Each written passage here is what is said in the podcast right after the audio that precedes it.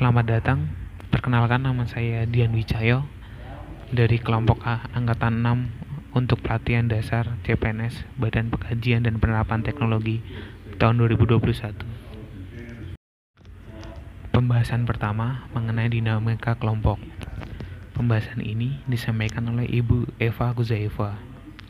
Pembelajaran yang beliau berikan sangat interaktif kami peserta latihan dasar diajak untuk bersama-sama mempelajari pentingnya dinamika kelompok, mengenal individu-individu yang ada di dalam kelompok atau dalam peribahasa dapat dikatakan tak kenal maka tak sayang.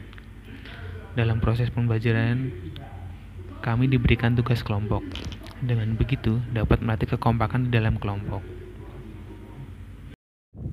Pembahasan kedua pada kesempatan kali ini oleh Bapak Dwi Rahman Indra Beliau menyampaikan kurikulum, kompetensi, dan sasaran pelatihan dasar CPNS sesuai Perla nomor 1 tahun 2021.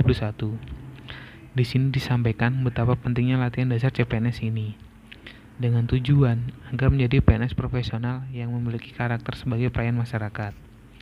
Beliau juga mengingatkan kita di sini atas peran serta masyarakat.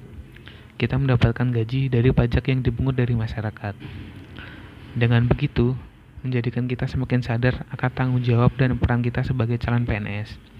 Harus memberikan yang terbaik untuk masyarakat serta bangsa Indonesia. Dengan pemahaman wawasan kebangsaan melalui pemaknaan terhadap nilai-nilai bela negara, kita diharapkan mampu menunjukkan sikap perilaku bela negara. Sudah menjadi tanggung jawab kita sebagai pelayan publik untuk memberikan contoh kepada masyarakat di sekitar kita bahwa berwawasan kebangsaan itu penting untuk tetap membela negara dan melindungi negara. Pembelajaran hari ini sangat-sangat mengetuk hati.